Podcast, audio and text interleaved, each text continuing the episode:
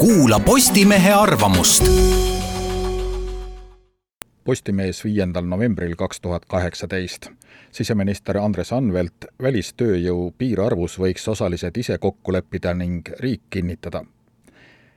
sisserände piirarvu regulatsiooni muutmiseks olen pakkunud kevadel oma lahendusi, millest osa leidis ka poliitilise toe parlamendis kahjuks mitte kõik. nüüd olen teinud uued ettepanekud, kuidas kahekümne viie aastasest välistööjõu praeguseks iganenud kvoodimudelist lahti rabeleda.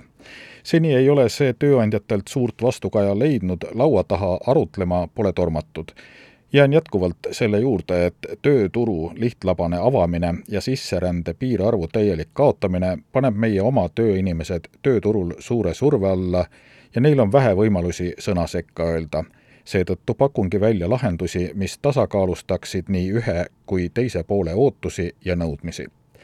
kõige olulisem on, et tööandjate ja töövõtjate esindusorganisatsioonid räägiksid omavahel läbi ja lepiksid sektoripõhiselt kokku, kui palju inimesi võiks sellesse valdkonda väljastpoolt Eestit tööle võtta ning mis oleks palk, millega välistööjõudu palgata.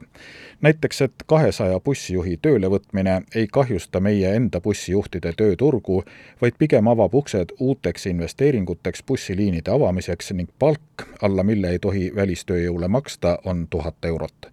see oleks suur samm edasi lahenduseni, mis ei sunni meie oma inimesi töötusse ja palgalangusse, kuid ergutab samas meie tööturgu vajaliku ja põhistatud välismaise tööjõuga. see ei anna võimalust asendada meie oma inimesi mujalt tulnud odavama tööjõuga. sellisel juhul poleks üleüldist kvooti vajagi, pigem lähtuks valitsus sektorite nimistust, kus arenguks on vaja töökäsi sotsiaalset kokkulepet ei maksa karta, vastupidi, sotsiaalse dialoogi tulemusel sündinud ja valitsuse kaitstud otsused on palju paindlikumad ja osalistele arusaadavamad suurepärane näide on ametiühingute ja tööandjate iga-aastane miinimumpalga kokkulepe. sisserände piirarvu ettepanekute üle arutlemiseks ootan peatselt kõiki osalisi, nii poliitilisi kui ka sotsiaalseid partnereid ühise laua taha. enamik Eesti poliitilisi jõude ei toeta praegu tööturu täielikku avamist, sest majanduskasv meie oma inimeste puuduliku tööhõive ja tingimuste arvelt on lühinägelik lahendus poolte kokkuleppel saavutatud lahendust on aga palju raskem laualt maha lükata, sest populistlikku hirmu massilise töörände ohtude ees on sellisel juhul palju raskem külvata. ka tööhõive ja välistööjõu kaasamine vajab innovatsiooni ning see on meil käeulatuses